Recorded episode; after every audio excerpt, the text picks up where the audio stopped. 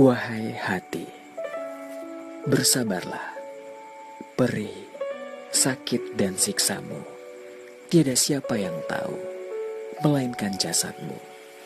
Biar beribu yang menikamu, jangan dikau bukukan rasa dendammu.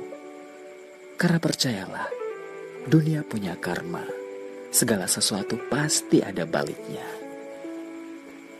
Biarpun dulu kau sangka ia sebutir bintang, jangan dinanti, jangan ditunggu, malah jangan dipuja.